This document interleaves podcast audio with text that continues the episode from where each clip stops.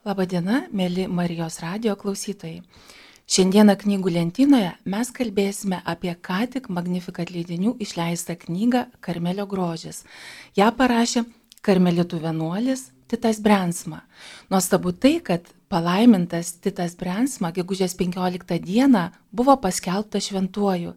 Tai iš tikrųjų nuostabi žinia ir dar nuostabiau tai, kad mes jau lietuviškai galime skaityti jo paskaitų ciklą skaitytą 1935 metais.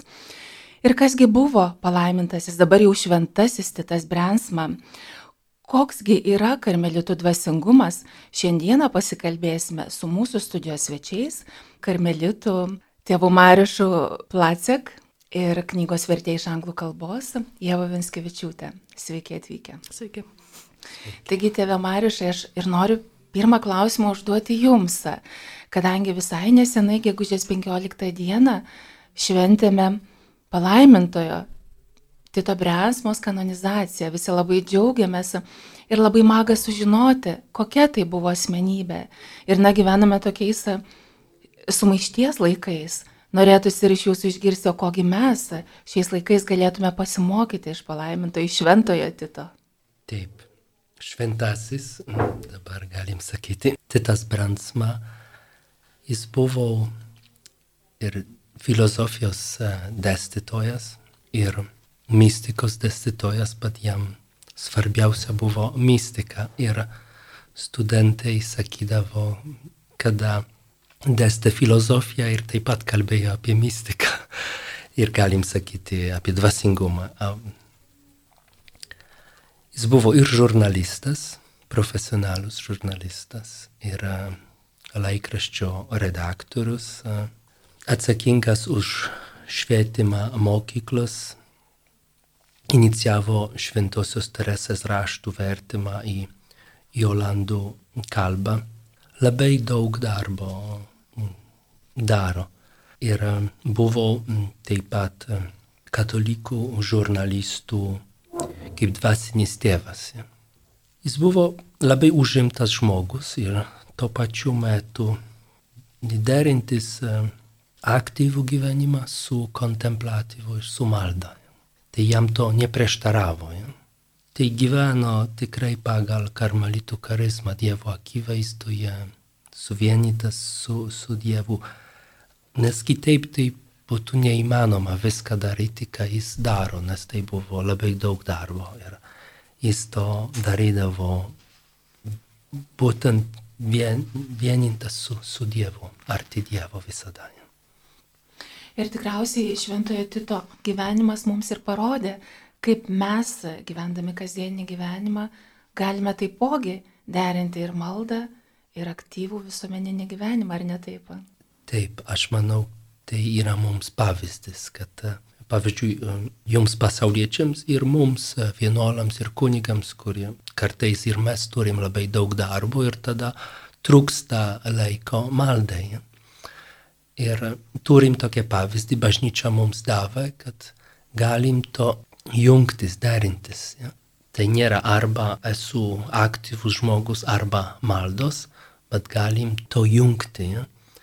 Tai reikia rasti laiko maldai, bet po to ir gyventi su Dievu, kada dirbu, kada susitiktų su, su kitais žmonėmis per darbą kad Dievas yra mumise visada, Dievas gyvena mumise. Ir tikriausiai kalbant apie šventojo Tito gyvenimą, dar vertėtų paminėti ir tai, na, kad tai buvo labai sunkus gyvenimas.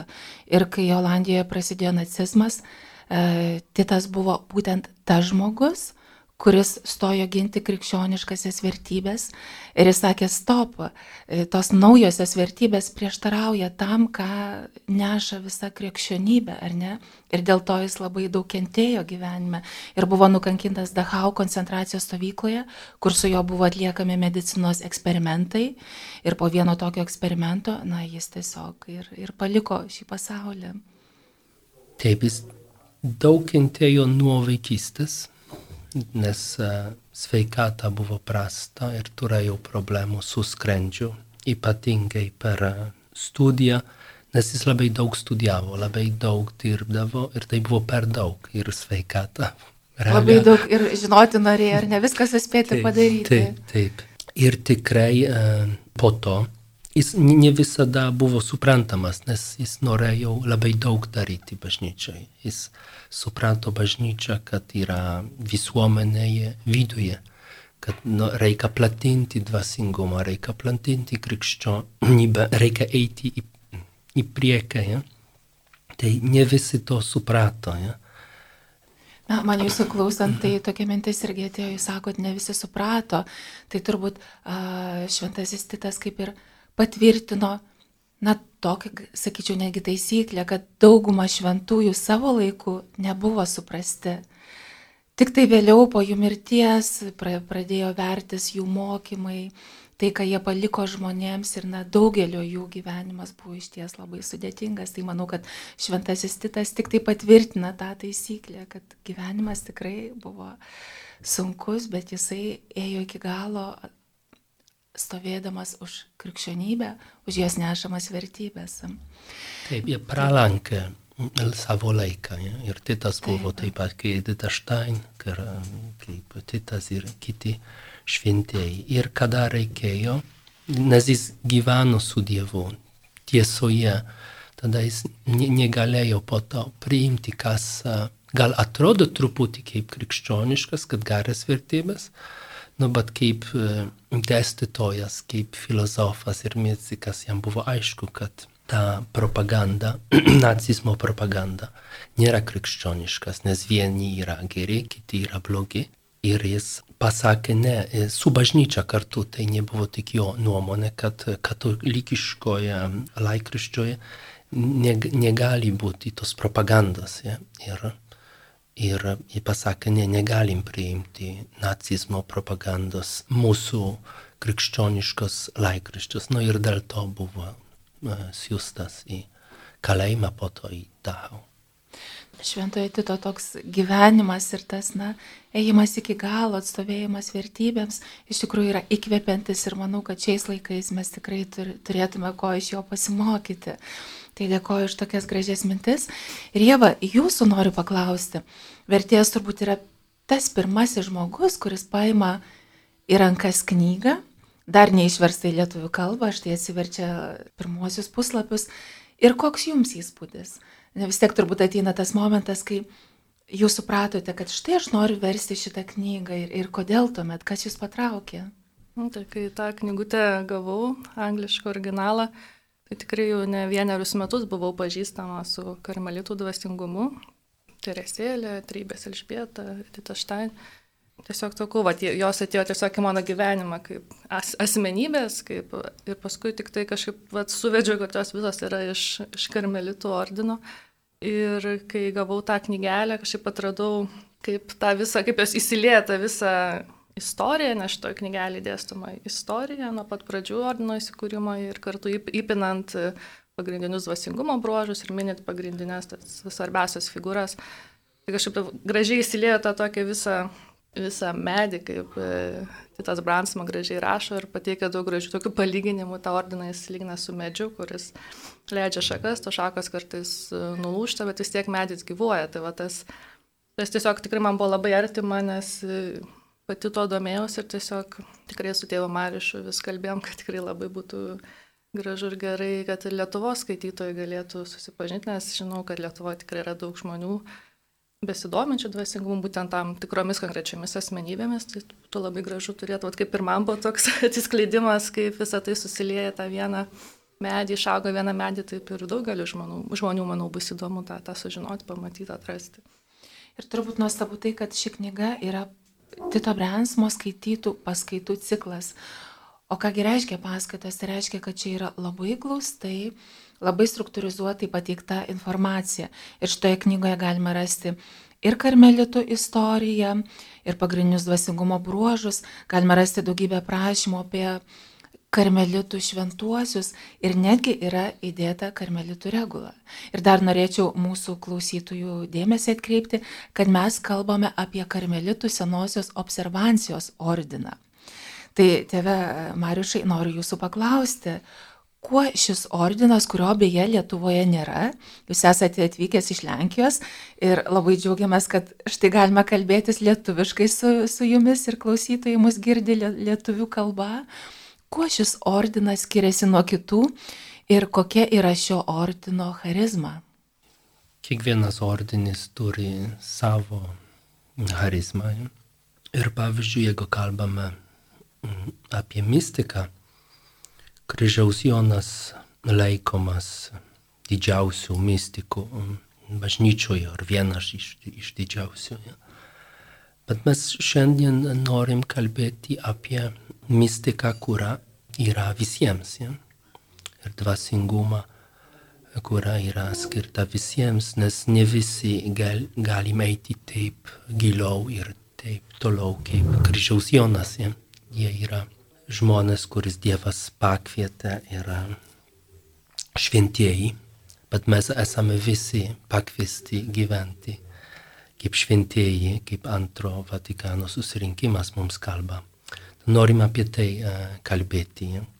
Tai mūsų charizmo pagrindas tai yra regula, kuri yra pridėta prie knygos.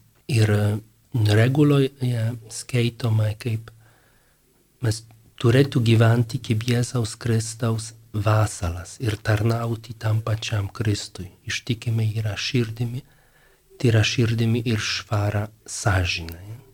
Ir, ir Titas taip e, gyvena su tyra širdimi ir švara sąžinė, dar dėl to negalėjo priimti, kas buvo prieš e, krikščionybę ir dėl to atidavė savo, savo gyvenimą. Ja.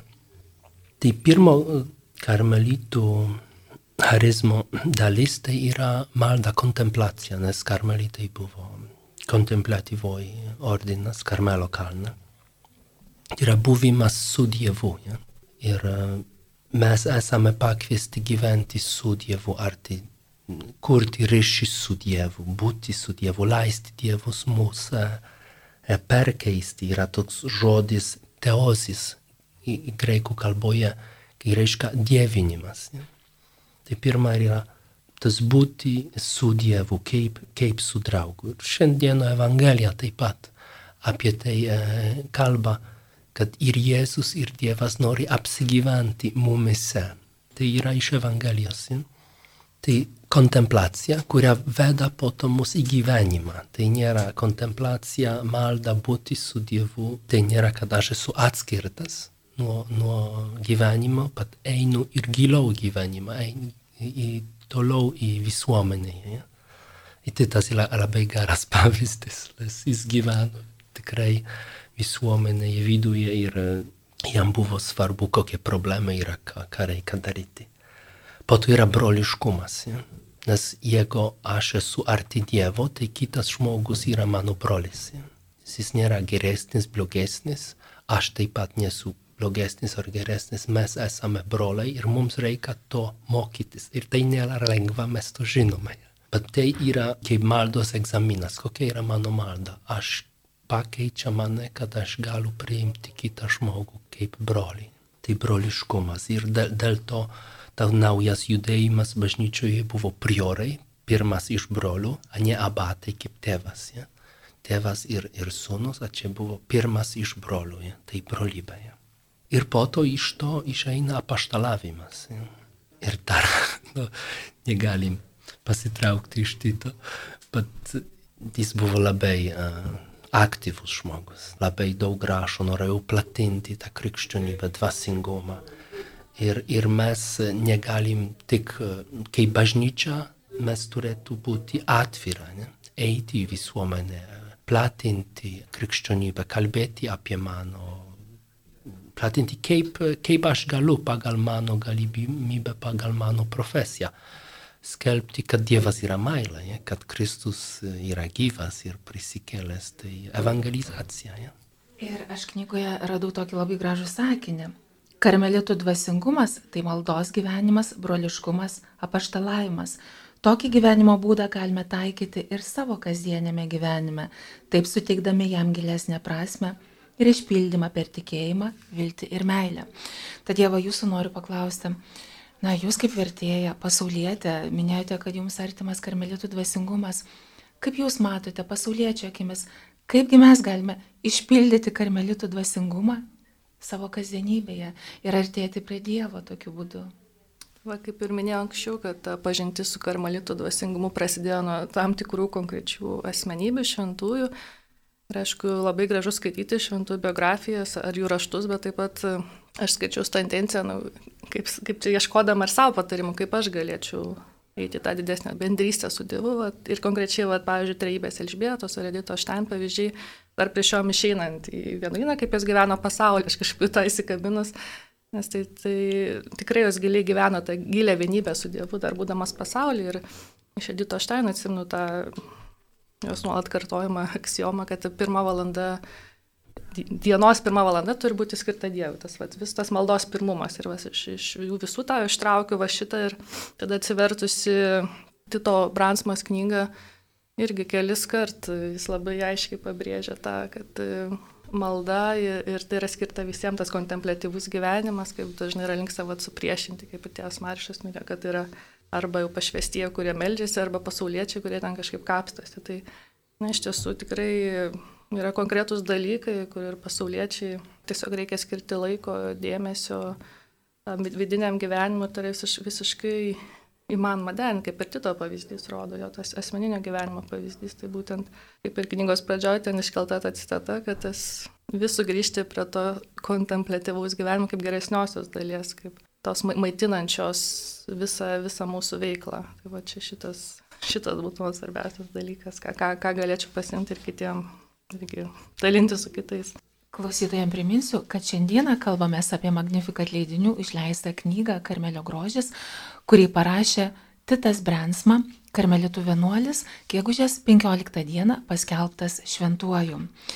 O kalbame apie šią knygą su mūsų svečiais, tai Karmelitų vienuoliu, tėvu Marišu Placek ir knygos vertėjai iš anglų kalbos Jeva Vinskevičiūtė o laidą vedu aš, Magnifikat leidinio atstovė Inga Čiberkytė.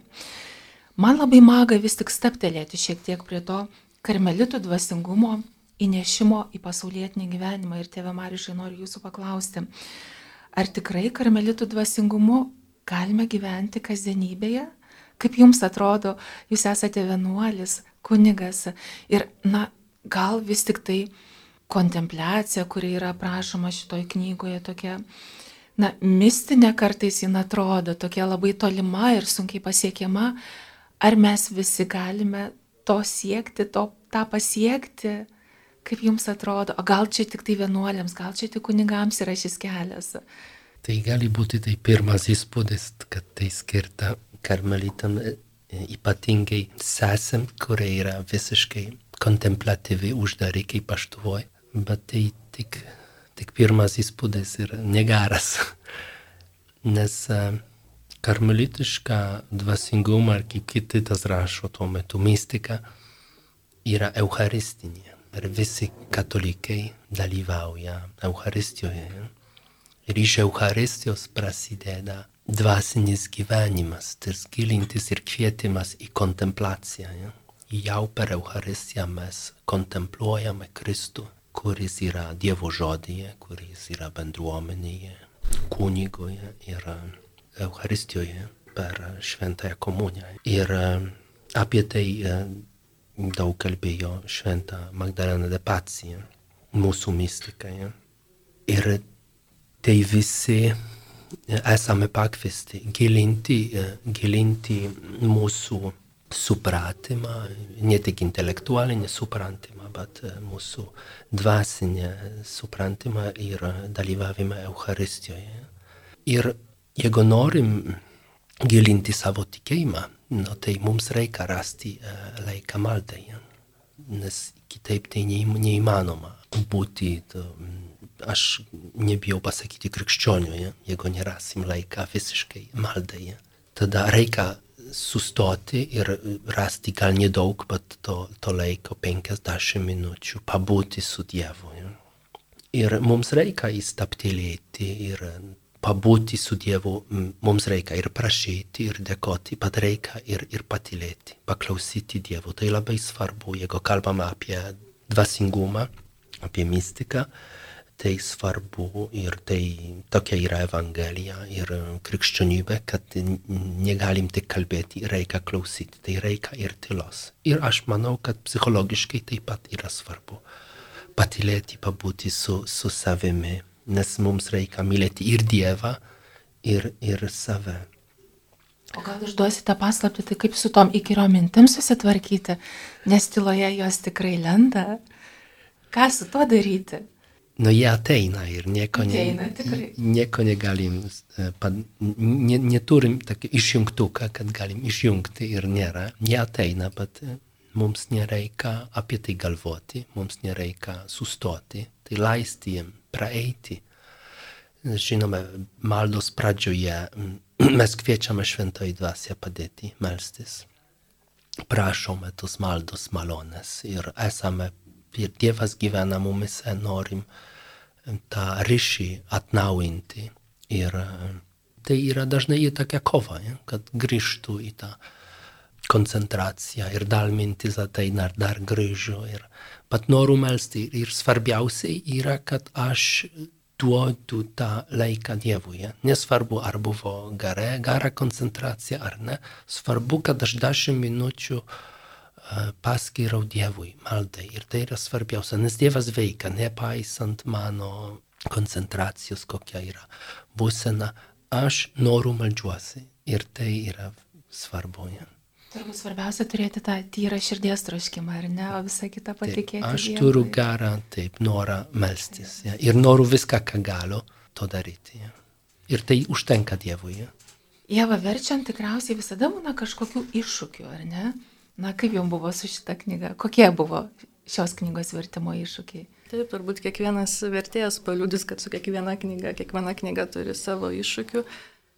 Ši knyga irgi atnešė savų, bet labai džiaugiuosi, kad nebuvau, kaip sakyti, viena šitam fronte, turėjau pagalbininkų ir tėvas Patrikas iš Airijos tikrai konsultavo, padėjo man susigaudyti, tėvas Marišas ir Magnificat komanda paskui jau kitame etape įsijungė. Kaip Inga minėt, pradžio tai yra paskaitų ciklas, tai bet kokiu atveju tai yra akademinė kalba ir toks tikrai koncentratas visos ir istorijos karmelito ordino ir dvasingumo ir iš tiesų tikrai didelė pagarba autoriui, kad jis tą visą istoriją ir dvasingumą labai taip tikrai aiškiai išdėstė ir iš tiesų per save perleidęs taip pat teikė klausytojui tikrai suprantamai, nes, pavyzdžiui, trumpai išdėstyti Švento kryžiaus Jono mokymą ar Teresės per kelis puslapius tikrai reikia labai išmanyti ir, ir labai mokėti pertikti, ne, neapkraunant e, skaityto kažkokiais nesuprantamais ten e, žodžiais ar konstrukcijomis. Bet aišku, aš, aš pati tikrai ne, nesu didelė ekspertė ši- šitų iškilių asmenybių, tikrai buvo neramu, ar aš gerai supratau, bet sakau, turėjau labai gerus konsultantus ir viską įsiaiškinom. Ir taip pat dar buvo toks momentas su lotynų kalba, nes tais laikais lotynų kalba buvo daug plačiau vartojama ir, ir Titas labai laisvai cituoja ir mini daug iškilių asmenybių, kur tarkim mes neturim vertimų į lietuvių kalbą, tai tikrai reikėjo truputėlį pasikapstyti, paieškoti, kaip lietuviškai tiksliai perteikti tas, tas citatas ir kartais pavyko rasti tuos šaltinius, kartais ne, jau čia mes knygoje nurodėm, kokią, kokią išeitį radome, bet labai džiaugiuosi, kad sakau, ne, ne mano vienos darbas, da- ke, kelių žmonių darbas vis dėlto davė tokį, manau, tikrai paskaitomą rezultatą. O kokia knygos vieta jums buvo, na, pati žaviausia, galbūt įsimintiniausia, ką, ką ir kitiems vis galbūt pasakojat ir pasakojat? Na taip, sakau, va, kaip minėjau, tas stilius yra akademinis, bet vat, Tito ta asmenybė tikrai yra tokia, tokia breunė, nes kiekvienas skyrius galės pateikę tokį trumpą, labai poetinį, sakyčiau, apibendrinimą. Ir vat, pats knygos pavadinimas kar Karmelio grožis, va, to grožio ten tikrai yra ne vien tik faktų kažkokių ar, ar teiginių, bet jis taip gražiai kiekvieną skyrių rezumuoja tokiais gražiais poetiniais palyginimais, kartu įvesdamas ir skaitytoją, ragindamas ir skaitytoją vat, eiti tuo keliu ir sakau, kad kiekvieną dabar čia tokią intrigą paliksiu skaitytam, atsiveskit ir pažiūrėkit, tikrai po tos akademinės rimtosios dalies toks yra toks švelnus gūsis, švelnus paraginimas, labai poetiškas, tik, tikrai gražus. Tėve Marišai, jūsų noriu paklausti, kokiegi planai yra, žinau, kad turite svajonę, kad senasis karmelitų ordinas atsirastų Lietuvoje. ar ne? Tai kokie yra planai, nes šita visa knyga ir yra apie karmelitų senosios observancijos ordiną, apie būtent šio ordino dvasingumą. Tikriausiai atėjus ordinui, tuomet tas dvasingumas dar labiau pradėtų skleisti Lietuvoje. Ką mes norim tikrai daryti, tai kad kitas daro, platinti dvasingumą. Ir jis to darydavo per spaudą, per, per mokymus ir, ir mes to norim daryti, platinti dvasingumą, karmelitišką dvasingumą, kuria yra krikščioniška dvasingumą, mistiką.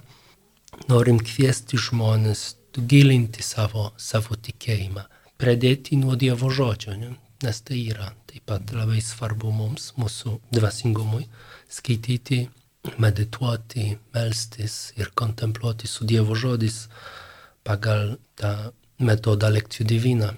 Ir norim padėti žmonėms, nes kai kurie žmonės bijo, o kaip aš galiu skaityti, aš nesuprantu.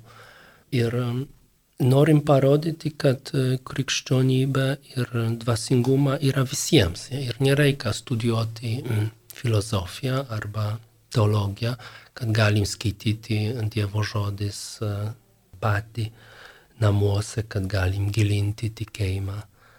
Nes tikrai kiekvienas krikščionis to gali daryti. Norim padėti dabar atvažiuojant į, į Lietuvą, leisti gal knygos dar, organizuoti rekolekcijas, kurie padeda. Jau turim lekcijų divina grupės, ir norim ugdyti tos grupės, padėti žmonėms ir platinti, gal ir per mediją. Ne? Tai to laiku spauda tai buvo, tai ir buvo medija tuo metu. Jis to labai gerai suprato, interneto nebuvo, Facebooko nebuvo, bet buvo laikraščiai, ir radija daugiau. Ir jis to labai gerai suprato. Mes norim naudoti kas yra internetas, knygos ir, ir padėti žmonėms ugdyti grupės ir rekolekcijas. Ir to dabar tai, manau, tai bus gerai. Ir šią vasarą netgi organizuosit rekolekcijas, ar ne? Tai ši, ši vasarą organizuojam rekolekcijas apie karmelitų dvasingumą pagal titą, pagal šitą knygą. Tai bus Vilniuje ant Akalnio pas Jonitus. Liepos mėnesį. Liepos mėnesį, 80. Liepa. Tai klausytojams, kuriems įdomu, tikrai mm, skatiname pasidomėti ir galbūt sudalyvauti šiuose nuostabiose rekolekcijose. Ir jūs užsiminėte apie Lektio Divina grupelės, jos veikia, kiek žinau, Šiauliuose ir Vilniuje. Ir Jeva man teko nugirsti, kad ir jūs kažkaip įsitraukusi į Vilniuje, į šitos grupelės veiklą, gal kažkiek daugiau galite papasakoti, nes iš tikrųjų na, tas karmelitų dvasingumas be galo traukia ir norisi daugiau apie jį sužinoti. Kągi jūs ten susirinkę veikėte? Taip tiesa, mūsų grupelė tikrai labai jauna, dar ką tik pradėjom rinktis ir renkamės irgi pas brolius Jonitus, jie mus e, labai taip, mal, maloniai priglaudė, kaip pirmą, trečią mėnesio trečiadienį, šeštą valandą. Ir iš tiesų mes nesam tokie kaip čia vien tik entuziastai, bet iš tiesų ši tėvo Marišo iniciatyva, kad mes melžiamės būtent tą karmelitų būdu, tai yra tuo, tuo vienuolišku būdu, tas lekcijo divina, kuris susideda iš, iš keturių etapų, tai lekcija, meditacija, oracija ir kontempliacija. Tai skaitome, tokį vadovas trumpai primena tos etapus, bet iš tiesų tai yra malda kiekvieno asmeninė tyloje. Tai mes visi susirankam kartu bet kiekvienas melžiamas atskirai ir būtent tas vat, paskutinis kontempliacijos etapas, gal atrodo toks ar neaiškus, ar gazdinantis, bet iš tiesų tai yra labai paprasta, tikrai čia nekalbam apie kažkokias vizijas ar ekstazijas ar taip toliau, čia tiesiog yra laikas skirtas būti su Dievu ir tik, tikrai labai viskas paprasta, vat, kaip ten ir vėlgi cituojant Arso kleboną, tiesiog žiūrėti vienam į kitą, kiek įmanoma labiau išbūnant va šito, šito akimirkoje. Tai tikrai, jeigu kažkam įdomu pamėginti, tikrai labai kviečiu ateiti ir tiesiog pabandyti, pasižiūrėti. Ir tikriausiai tas buvimas bendrystė, kai, kai jūs einate visi kartu, tai irgi labai daug duoda, ar ne? Nes mes, taip, taip. na, kai esame vieni, tai ir visokių minčių gali lysti, bet buvimas kartu su kitais ir su bendraminčiais, ypatingai buvimas, kai galime pasidalinti savo išgyvenimais, e, savo mintimis, tai labai daug duoda, ar ne, ir sustiprina toje vidinėje. Mes būtent irgi čia ir, ir kalbėjomės, kad tikrai galima ir vienam teoriškai atsisėsti ir, ir namuose tą, tą, tą daryti, bet visi žinom, kad namuose yra daug įvairių pagundų ir tikrai, vat, kas jau yra buvę grupelį, tikrai nu, jaučia tą skirtumą, kur, aišku, vienam visiškai įmanoma, bet karts nuo karto susitikti su, su ta grupelė ir, ir kartu visą tai perėti tikrai yra kitokia patirtis. Na ir jūsų abiejų noriu paklausti. Ta viena mintis ar vienas sakinys, kurį išsinešate iš šitos knygos, kas tai būtų? Galite taip, tėvė Marišai, jūsų. Labai sunkus klausimas. Nes labai daug norisi pasakyti, ar ne? daug minčių. Taip. Bet aš manau, kad uh, tai nebus citatas, bet uh, Na, kad, kon, kad, kad, kad kontemplacija ateina iš Eucharistijos. Ja? Tas kvietimas į kontemplaciją, į buvimą giliau, arčiau Dievo, išeina iš, iš Eucharistijos. Kaip jau. Mhm, aš jau čia užbaigsiu taip poetiškai. Kaip ir minėjau, kiekvieno skirelio pabaigoje Titas pateikia tokį gražų poetinį apibendrinimą ir aš taip at, at vakar pervečiau knygą būtent tikrai dama dėmesį tas pabaigėlės ir Man rodos, yra iš pačio paskutinio to, to apibendrimo skirelio, toks gražus jo paraginimas ir jūs būkite, tai yra klausytojai, skaitytojai, būkite kaip tos rožės, tai yra kaip teresėlė, barstančios tas malonės žiedlapis, tai toks labai gražus irgi paraginimas ir apibendrinimas viso to, visų mūsų pastangų būti va, tom, tom rožėm, gražiom rožėm, kurios beria tas malonės žiedlapis. Noriu atkreipti dar skaitytojų, knygos skaitytojų ir mūsų klausytojų dėmesį, kad Magnificat leidiniai pradėjo leisti Karmelitų bibliotekos serijos knygas. Ir būtent Karmelio grožis yra pirmoji šios serijos knyga. Na ir tikimės, kad tai labai toks gražus startas ir ateityje turėsime dar daugiau knygų Karmelitų tematiką. Ir noriu tėve Marišą jūsų paklausti. Kai žmogus, tarkim, atsiverčia šitą knygą, ko, ką jis gali tikėtis ten rasti? Aš manau, kad galim rasti tokią kvietimą į naują kelionę, ja? pažiūrėti į, į mano tikėjimą ir mano dvasinį gyvenimą truputį kitaip, kad galiu eiti giliau, kad galiu tikrai pagilinti, pamatyti, ką mes tikime, ką mes darom per, per maldą, per Eucharistiją, per sakramentus, tai turi labai gilę gilę prasme ir ne tik man, bet ir visuomeniai, bažnyčiai ir pasauliui. Ir aš dar nuo savęs turbūt pridurčiau, ką nebejotinai aš gavau perskaičiusi šitą knygą, tai didžiulį įkvėpimą. Įkvėpimą nenuleisti rankų ir tą vidinę kelionę tęsti, nesvarbu, kad būna ir dikumos laikotarpiu, bet, na, tiesiog eiti pirmin, turėti tikslą ir, ir visada pasitikėti Dievu. Tai iš tikrųjų toks įkvėpimas tikrai ateina iš šios knygos puslapių, iš karmelitų dvasingumo, iš šventojo Tito Brensmos žodžių mums.